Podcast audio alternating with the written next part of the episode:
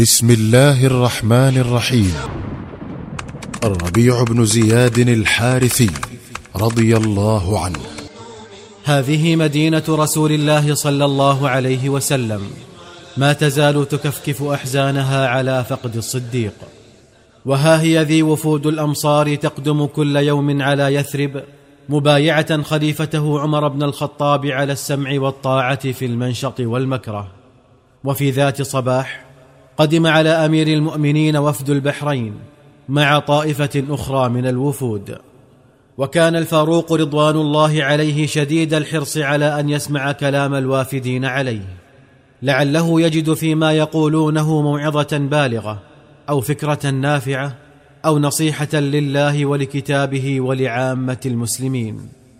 فندب عددا من الحاضرين للكلام فلم يقولوا شيئا ذا بال.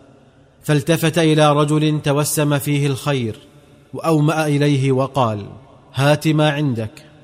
فحمد الرجل الله وأثنى عليه ثم قال إنك يا أمير المؤمنين ما وليت أمر هذه الأمة إلا ابتلاء من الله عز وجل ابتلاك به فاتق الله فيما وليت واعلم أنه لو ضلت شاة بشاطئ الفرات لسئلت عنها يوم القيامة. فأجهش عمر بالبكاء وقال ما صدقني أحد منذ استخلفت كما صدقتني فمن أنت؟ فقال الربيع بن زياد الحارثي. فقال أخو المهاجر بن زياد؟ فقال نعم. فلما انفض المجلس دعا عمر بن الخطاب أبا موسى الأشعري وقال تحر أمر الربيع بن زياد. فإن يك صادقا فإن فيه خيرا كثيرا وعونا لنا على هذا الأمر واستعمله واكتب لي بخبره. لم يمض على ذلك اليوم غير قليل حتى أعد أبو موسى الأشعري جيشا لفتح مناذر من أرض الأهواز بناء على أمر الخليفة وجعل في الجيش الربيع بن زياد وأخاه المهاجر. حاصر أبو موسى الأشعري مناذر وخاض مع أهلها معارك طاحنة قلما شهدت لها الحروب نظيرا. فقد أبدى المشركون من شدة البأس وقوة الشكيمة ما لم يخطر على بال وكثر القتل في المسلمين كثرة فاقت كل تقدير. وكان المسلمون يومئذ يقاتلون وهم صائمون رمضان. فلما رأى المهاجر أخو الربيع بن زياد أن القتل قد كثر في صفوف المسلمين عزم على أن يشري نفسه ابتغاء مرضات الله فتحنط وتكفن وأوصى أخاه. فمضى الربيع إلى أبي موسى وقال إن المهاجر قد أزمع أن يشري نفسه وهو صائم والمسلمون قد اجتمع عليهم من وطأة الحرب وشدة الصوم ما أوهن عزائمهم وهم يأبون الإفطار فافعل ما ترى. فوقف أبو موسى الأشعري ونادى في الجيش يا معشر المسلمين عزمت على كل صائم أن يفطر أو يكف عن القتال وشرب من إبريق كان معه ليشرب الناس بشربه. فلما سمع المهاجر مقالته جرع جرعة من الماء وقال والله ما شربتها من عطش ولكنني أبررت عزمة أميري. ثم امتشق حسامه وطفق يشق به الصفوف. ويجندل الرجال غير وجل ولا هياب. فلما أوغل في جيش الأعداء أطبقوا عليه من كل جانب وتعاورته سيوفهم من أمامه ومن خلفه حتى خر صريعا. ثم انهم احتزوا رأسه ونصبوه على شرفة مطلة على ساحة القتال. فنظر إليه الربيع وقال طوبى لك وحسن مآب. والله لأنتقمن لك ولقتل المسلمين إن شاء الله. فلما رأى أبو موسى ما نزل بالربيع من الجزع على أخيه وأدرك ما ثار من الحفيظة في صدره على أعداء الله تخلى له عن قيادة الجيش ومضى إلى السوس لفتحها. هب الربيع وجنده على المشركين هبوب الإعصار وانصبوا على معاقلهم انصباب الصخور إذا حطها السيل. فمزقوا صفوفهم وأوهنوا بأسهم. ففتح الله مناذر للربيع بن زياد عنوة فقتل المقاتلة وسبى الذرية وغنم ما شاء الله أن يغنم. لمع نجم الربيع بن زياد بعد معركة مناذر وذاع اسمه على كل لسان. وأصبح أحد القادة المرموقين الذين يرجون لجلائل الأعمال. فلما عزم المسلمون على فتح سجستان عهدوا إليه بقيادة الجيش وأملوا على يديه النصر.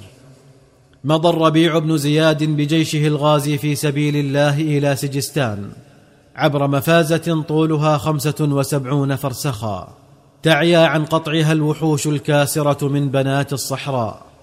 فكان أول ما عرض له رستاق زالق على حدود سجستان. وهو رستاق عامر بالقصور الفخمة محوط بالحصون الشامخة وافر الخيرات كثير الثمار. بث القائد الأريب عيونه في رستاق زالق قبل أن يصل إليه فعلم أن القوم سيحتفلون قريبا بمهرجان لهم فتربص بهم حتى بغتهم في ليلة المهرجان على حين غرة وأعمل في رقابهم السيف وأخذهم عنوة فسبى منهم عشرين الفا. ووقع دهقانهم في يده أسيرا. وكان بين السبي مملوك للدهقان فوجدوه قد جمع ثلاثمائة ألف ليحملها إلى سيده. فقال له الربيع من أين هذه الأموال؟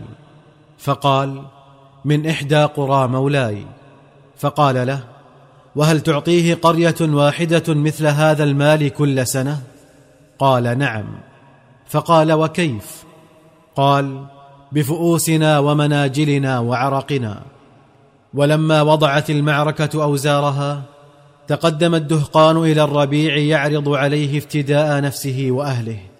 فقال له أفديك إذا أجزلت للمسلمين الفدية.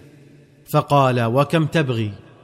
فقال أركز هذا الرمح في الأرض ثم تصب عليه الذهب والفضة حتى تغمره غمرا. فقال رضيت. واستخرج ما في كنوزه من الأصفر والأبيض وطفق يصبها على الرمح حتى غطاه. توغل الربيع بن زياد بجيشه المنتصر في أرض سجستان.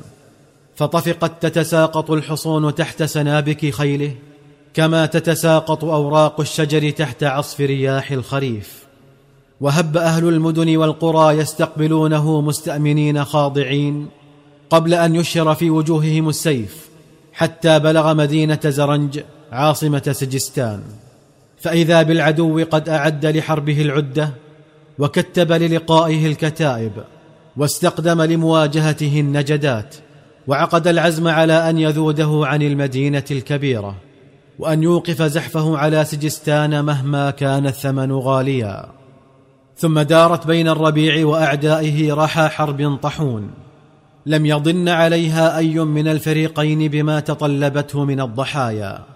فلما بدرت أول بادرة من بوادر النصر للمسلمين رأى مرزبان القوم المدعو برويز أن يسعى لمصالحة الربيع وهو ما تزال فيه بقية من قوة لعله يحظى لنفسه ولقومه بشروط أفضل.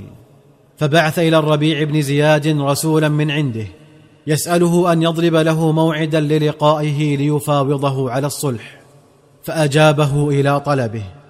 أمر الربيع رجاله أن يعدوا المكان لاستقبال برويز وطلب منهم أن يكدسوا حول المجلس أكواما من جثث قتلى الفرس وأن يطرحوا على جانبي الطريق الذي سيمر به برويز جثثا أخرى منثورة في غير نظام. وكان الربيع طويل القامة عظيم الهامة. شديد السمرة ضخم الجثة يبعث الروع في نفس من يراه.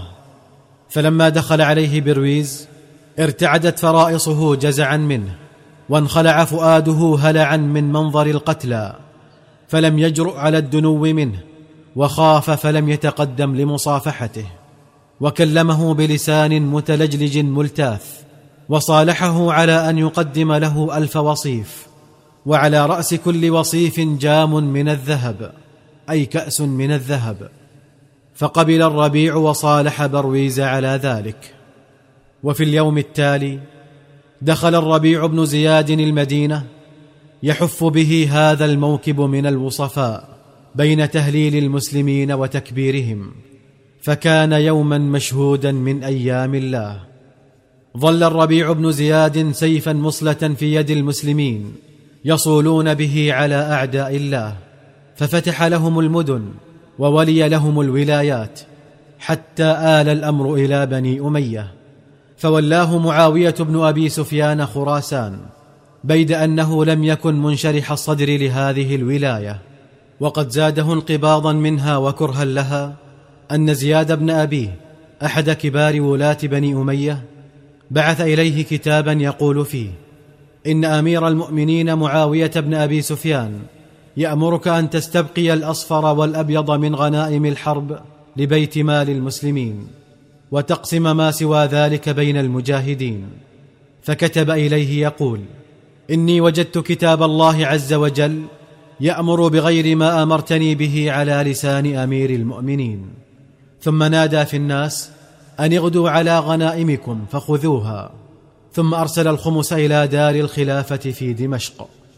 ولما كان يوم الجمعة الذي تلا وصول هذا الكتاب خرج الربيع بن زياد إلى الصلاة في ثياب بيض وخطب الناس خطبة الجمعة ثم قال أيها الناس إني قد مللت الحياة وإني داع بدعوة فأمنوا على دعائي. ثم قال اللهم إن كنت تريد بي خيرا فاقبضني إليك عاجلا غير آجل فأمن الناس على دعائه فلم تغب شمس ذلك اليوم حتى لحق الربيع بن زياد بجوار ربه. ما صدقني أحد منذ استخلفت كما صدقني الربيع بن زياد. عمر بن الخطاب.